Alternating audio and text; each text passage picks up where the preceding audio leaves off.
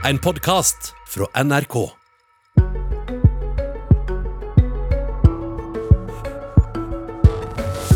Det er ikke akkurat på hyttefronten at arkitekturen har vært mest spenstig her i landet, og det vil kunstneren Vebjørn Sand nå gjøre noe med. Han satser på å designe nye hytter som skal bygges. Han har allerede designet en rekke ferdighytter for salg. Så er det sånn at eh, eksperter vi har snakket med, de er litt usikre på hvor godt det vil slå an. De ser ut som de er laget eh, som et samarbeid mellom eh, Bilbo Sekker, altså hovedrollekarakteren i 'Ringenes herre', og Elron, den store alvehøvdingen. Ragnhild Brochmann, Erling Dogholm og Tonje Ingrid Søda Folkvar er kommentatorer på estetikk, arkitektur og hyttetrender. Og alle tre mener at flere av de nydesignede hyttene skiller seg sterkt ut fra hytter de har sett før. Den ene hytten som har eh, kanskje det mest uvanlige designet, var at det minner veldig om en sånn tradisjonell eh, jordgamme. Den hytta der tror jeg ikke kan bli noen sånn populær ferdighytte eh, som folk flest kommer til å kjøpe. Mitt mål har vært å lage de vakreste eh, og mest eventyrlige hyttene jeg kan tenke meg. Eh, og jeg, altså, jeg vet jo at arkitektur, god arkitektur, kan redde liv. Altså, det, det, altså du kan eh, bli dårlig av dårlig arkitektur. Det sier kunstneren selv. Sand mener det er en fordel at han ikke har en arkitektbakgrunn. Ja, jeg tror at vi kunstnere eh, kan tenke annerledes og friere enn mange arkitekter. Og vi har også eh, andre referanser. Hyttene er ganske forskjellige. Den ene er inspirert av en stavkirke, og en annen ser ut som en båt. En hytte har en dekorasjon foran store vinduer i front, som kan minne om en såkalt tribal tatovering. Jeg syns veldig mange av samtidens hytter er påfallende like. Eh, grå, umalte, ikke-fargerike. Kunsthistoriker Brochmann ønsker variasjon velkommen. Og så ønsker jeg i grunnen alle eh, radikale hytteutfordrere en varmt velkommen inn i den norske floraen og faunaen. Det er gøy, det, med mer forskjell. Tonja Ingrid Søda Folkvar er redaktør i bladet Hytteliv, og tror publikum kanskje vil like noen av hyttene. Eh, jeg tror at eh, noen av de modellene han har tegnet, kan absolutt gjøre det.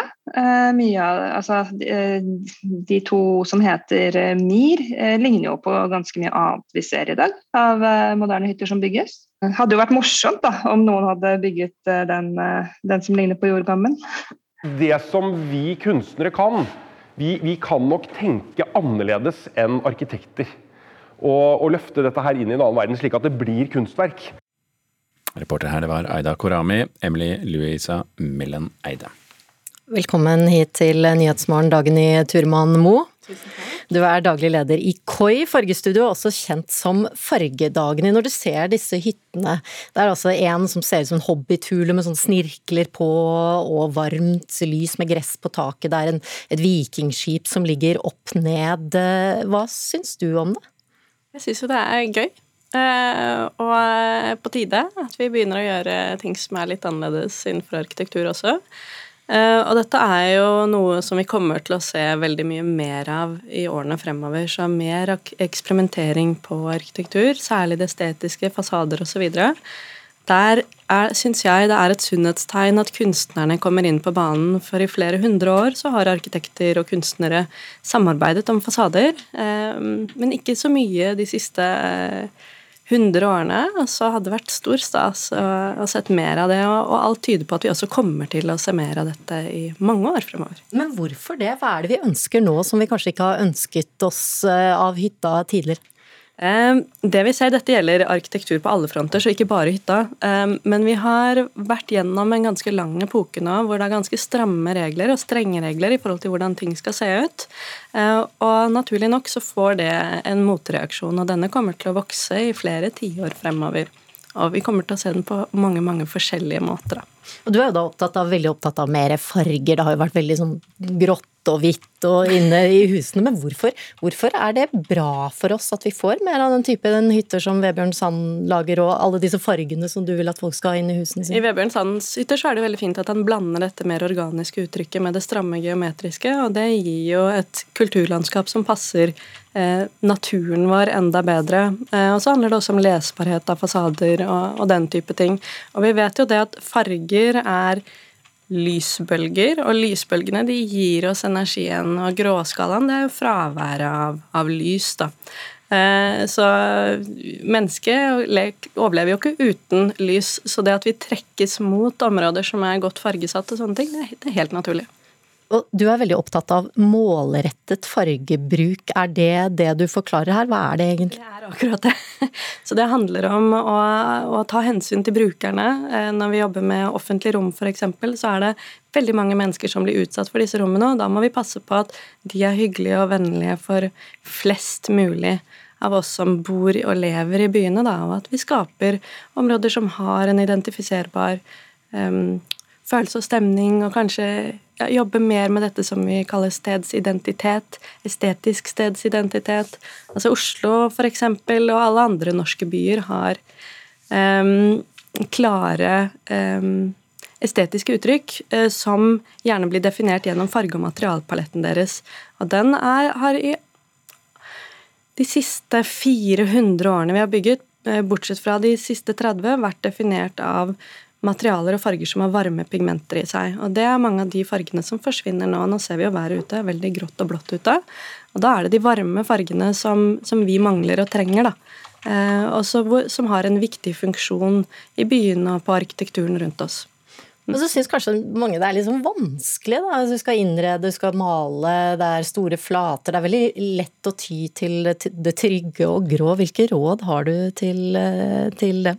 Først og fremst er jo ikke det trygge og grå særlig trygt når vi ser på forskningen i forhold til hvordan vi eh, reagerer på fraværet av, av, lys og farge. Da. Um, men eh, få hjelp hvis det føles for vanskelig, enten gjennom en fargehandel, en interiørarkitekt eller fargerådgivere f.eks. Eh, og ha et langtidsperspektiv når man både innreder og skal fargesette utendørs. Tenk på at dette bygget, hvis man jobber med en fasade, skal bli stående forhåpentligvis i flere hundre år. Eh, og hjemmet ditt, det har det også best, og du har også best av at det får utvikle seg over mange år. At man har da en langsiktig plan og ikke maler om og skifter om for hyppig, da. Så blir man jo glad av farge nå som hverdagen er litt grå. Tusen takk for at du kom til Nyhetsmorgen, Dagny Turman Mo, daglig leder i KOI Fargestudio. Husker du eh, hun eh, poeten som leste under innsettelsen av Joe Biden? Det er det vi skal snakke om nå. We are striving to forge our union with purpose, to compose a country committed to all cultures, colors, characters, and conditions of man. Vi streber etter å forene nasjonen vår og skape et land som inkluderer alle tradisjoner og kulturer. Det sa altså poet Amanda Gorman under innsettelsen av Joe Biden. Over natten så ble hun da nærmest et internasjonalt fenomen, og poesien hennes skal nå oversettes til en rekke språk. Eh, men det har ikke skjedd uten ståhei, selvfølgelig. Eh, siste oppdatering, kulturreporter Oda Elisa Svelstad. I Nederland har det blitt både konflikt og krangel før arbeidet i det hele tatt er starta. Eh, det var i utgangspunktet forfatter Mariek Lukas Rinveld som var valgt ut til å omsette verka til Gorman. Eh, Rinveld er også ung og suksessrik, med bl.a. den gjeve Booker Prison som bevis på nettopp det. Eh, men den nederlandske forfatteren er hvit og ikke-binær, og flere aktivister reagerte kraftig på at eh, forlaget tilsetter en hvit person, i, eh, i stedet for å tilsette noen med lik bakgrunn som Gorman, altså ei ung, svart kvinne. Og kritikken førte til at Rinveld trakk seg fra jobben, og, og det trass i at forlaget opplyste om at det var Amanda Gorman sjøl som valgte Rinveld. Men, men det er flere eksempler enn bare dette, ikke sant? Ja, The Guardian eh, kan melde at også den katalanske omsetteren Victor Obiols har trukket seg av samme grunn. Han ble eh, fortalt at han ikke hadde riktig profil, og at de så etter ei ung kvinne, eh, helst med samme hudfarge som Gorman. Ehm, og ja, han har forståing for at det er et kompleks emne som en må ta på alvor. Samtidig peker han på at hvis han ikke kan omsette verk skrevet av ei kvinne i det 21. århundre, så kan han heller ikke omsette Shakespeare, fordi han sjøl ikke har noe erfaring i å være en engelsk mann som, som lever på 1500-tallet. Mm, så hvilke reaksjoner har kommet? Det er delte meninger. Enkelte støtter avgjørelser som har blitt tatt både i Nederland og i Catalonia. Andre igjen er uenige. Blant annet uttalte samfunnsdebattanten Mohammed Abdi til Vårt Land tidligere denne måneden at han mener det er problematisk og et villspor, og at god litteratur har universelle verdier. I tillegg mener enkelte at ei slik avgjørelse står i kontrast til selve budskapet til Gorman, nemlig budskapet om forsoning. Oda Elise Svelstad, takk skal du ha. I dag er det premiere på Small Axe på NRK TV. og Det er en antologiserie av den britiske regissøren eh, Steve McQueen, som er kjent for filmene Hunger, Shame, Twelve Years a Slave og Widows. Nå har han laget fem nye filmer om hvordan vestindiske innvandrere kjempet mot strukturell rasisme og diskriminering i 1970- og 80-tallets London. Ifølge vår eh, filmkritiker Birger Vestmo er dette noe av det beste og viktigste viktigste du kan se i år. On Sunday, the 9th of August in North Kensington, a demonstration took place against the police, which degenerated into totally inexcusable violence. Regissør Steve McQueens nye antologiserie henter tittelen fra låta Small Axe av The Wailers, der teksten sier at om du er det store treet, er vi den lille øksa som skal hogge deg ned. Du i denne konteksten er det britiske samfunnets strukturelle rasisme, mens øksa er de som kjemper mot diskrimineringa. Serien består av fem frittstående filmer i varierende lengde og format, som kan sees hver for seg, men først sammen gir dem et helhetlig bilde bilde av kampene som Londons vestindiske miljøer måtte utkjempe på 1970- og 80-tallet. McQueen levendegjør de åpenbare problemstillingene gjennom intense skuespillerprestasjoner, stemningsrike miljøskildringer med en fenomenal tidskoloritt og en gjennomgående følelse av kampvilje mot uretten. They say our children are too loud, too slow, or too lively. School system has a policy of targeting our children. De fem filmene er basert på virkelige personer og hendelser i tidsrommet 1968 til 1982, og skildrer ulike sider ved den inngrodde rasismen i det britiske samfunnet. I Mangrove ser vi hvordan politiets innbitte trakassering av en restaurant, som fungerer som et vestindisk samlingspunkt, resulterer i en avdekking av rettssystemets fordommer. Lovers Rock er en livsbejaende skildring av en organisert hjemmefest, der man innser at deltakerne kommer dit fordi de ikke slipper inn andre steder.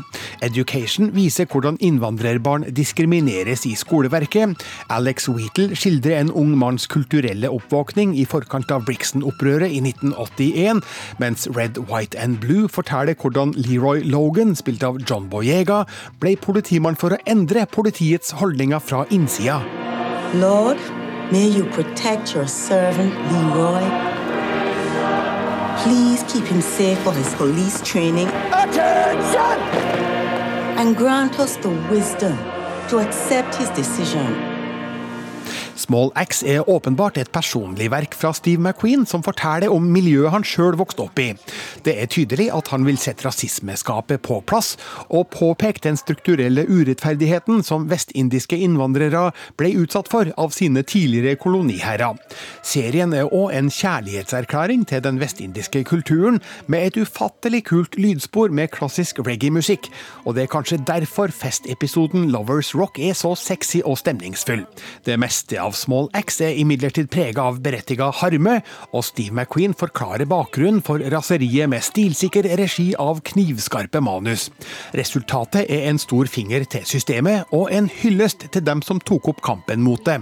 De her fem filmene er noe av det beste og viktigste du kan se i år. As a collective, we stand a chance. Terningkast seks. Og Small Axe ble anmeldt av Birger Vestmo. Du kan lese hele anmeldelsen på nrk.no, og se de fem filmene i NRK TV. Du har hørt en podkast fra NRK. Hør flere podkaster og din favorittkanal i appen NRK Radio.